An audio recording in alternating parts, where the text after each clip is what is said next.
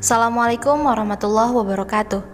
Halo semuanya, kembali lagi di MKIS Podcast. Nah, dalam sebuah komunikasi sering terjadi miskomunikasi antara penyampai dan penerima, entah itu dalam bentuk tulisan ataupun lisan. Oleh karena itu penting banget kita untuk memastikan pesan yang disampaikan itu tidak terdapat kesalahan antara pengirim dan penerima. Ketika kita ingin menyampaikan sebuah pesan, kepada orang lain dalam bentuk lisan, haruslah kita memperhatikan intonasi pengucapan ataupun nada bicara. Eh, dan juga perilaku atau tingkah dalam penyampaian yaitu bahasa tubuh kayak gerakan tangan, gerakan mata, gerakan kepala dan bahasa tubuh lainnya.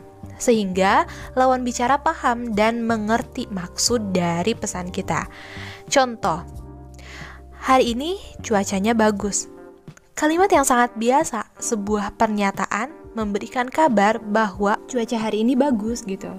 Nah, terus uh, ada lagi contoh yang kedua. Hari ini cuacanya bagus.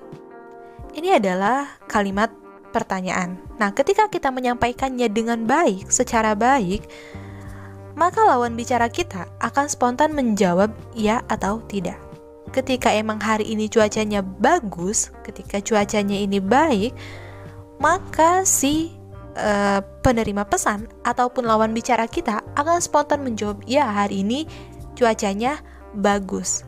Kalau misalnya emang hari ini cuacanya tidak bagus ataupun buruk, maka si lawan bicara akan menjawab, "Tidak, hari ini cuacanya buruk." Gitu. Nah, e, dari dua contoh ini jelas betul maksud dan tujuan si pengirim pesan tersampaikan dengan baik kepada si penerima pesan. Maka, dalam bentuk lisan, e, kita harus memperhatikan dua poin ini. Yang pertama itu adalah intonasi pengucapan ataupun nada bicara, dan yang kedua itu adalah bahasa tubuh. Nah, terus gimana kalau kita mau nyampein pesan lewat tulisan? Kalau lewat tulisan kan kita nggak bisa menyampaikan nada bicara ataupun bahasa tubuh. Ya kan pesan yang kita kirimkan ini tulisan uh, yaitu susunan huruf gitu. Nah uh, untuk uh, agar sampai maksud dan tujuan kita kepada penerima tulisan itu harus uh, bisa dimengerti oleh si uh, penerima. Jadi ada beberapa hal yang harus kita perhatikan ketika kita menyampaikan pesan kepada si penerima lewat tulisan. Di antaranya, pemilihan kata yang baik. Maksudnya, ketika kita ingin memberikan pesan lewat tulisan kepada seseorang, maka pilihlah kata-kata yang baik, yang sopan. Terus juga jangan pilih kata-kata yang rumit. Karena kenapa? Kata-kata rumit itu ya rumit juga dimengerti oleh si penerima pesan ataupun uh, si pembaca gitu. Dan juga satu lagi yang penting banget uh, dalam tulisan itu adalah tanda baca. Pemilihan katanya udah bagus, udah sopan, eh, nggak ada kata-kata rumit, udah biasa, tapi nggak pakai tanda baca Nah ini salah juga. Soalnya kenapa? Kayak kayak kita ambil contoh dari uh, contoh yang tadi di atas. Hari ini cuacanya bagus. Ini adalah kata-kata yang tidak rumit, kata-kata biasa kita ucapkan, tapi tidak ada tanda baca. Kita bandingkan contoh yang tadi, yang satu, yang kedua. Hari ini cuacanya bagus.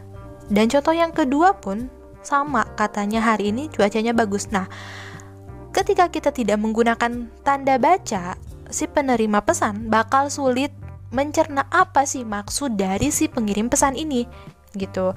Jadi penggunaan tanda baca e, dalam bentuk tulisan untuk penyampaian pesan itu sangatlah penting. Nah, sekarang kita masukkan tanda baca dari e, ke, e, ke contoh e, yang tadi.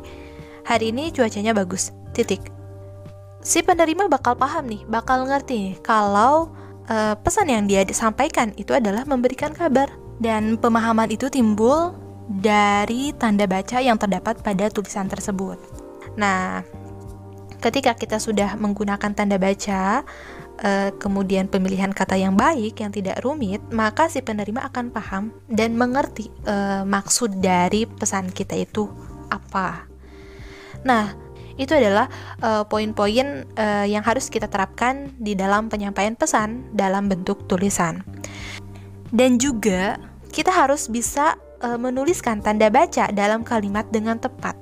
Kalau misalnya enggak, maka yang bakal terjadi itu adalah informasi yang kita sampaikan akan menyampaikan makna berbeda dengan arti yang diinginkan. Contoh, maksudnya kita tuh mau nanyain apakah dia udah makan apa belum gitu. Uh, kalimatnya seperti ini. Kamu sudah makan? Tanda tanya. Pakai tanda tanya. Penulisan yang tepat, maksud dan makna uh, makna uh, yang diinginkan itu sudah tersampaikan. Tapi kalau misalnya uh, dibandingkan dengan penulisannya seperti ini, kamu sudah makan, itu pakai tanda seru. Penulisan seperti ini akan mempunyai penyampaian makna kalau si sumber komunikasi itu sedang marah dan menanyakan kalau kamu sudah makan. Nah, jadi selain menggunakan tanda baca, uh, kita pun harus mengetahui fungsi dari masing-masing tanda baca tersebut. Dan juga masih banyak lagi contoh-contoh yang bisa digali dalam kegiatan kita sehari-hari. I think enough. Thanks for listening. See you and wassalamualaikum warahmatullahi wabarakatuh.